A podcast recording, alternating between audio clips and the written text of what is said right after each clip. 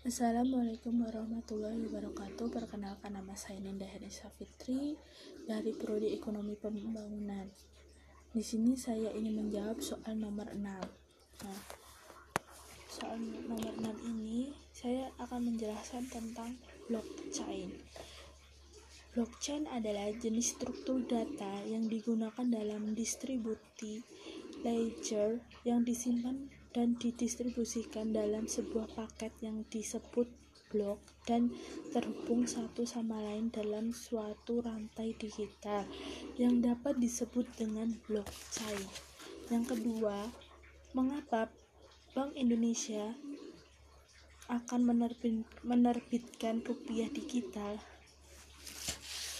Dikarenakan Bank Indonesia akan berencana mengeluarkan uang rupiah digital ini atau disebut dengan central bank digital currency hmm, ya, alasannya karena maraknya pengguna bitcoin yang merajalela di Indonesia dan bahkan bitcoin sendiri di Indonesia itu sudah dilarang. Tidak boleh ada yang memakai tetapi tetap saja banyak pengguna yang tetap menggunakan Bitcoin. Nah, yang ketiga ada ramai-ramai bikin bank digital. Nah, bank-bank kecil yang ada di Indonesia itu beramai-ramai membuat atau berhijrah menjadi bank digital itu dikarenakan sejumlah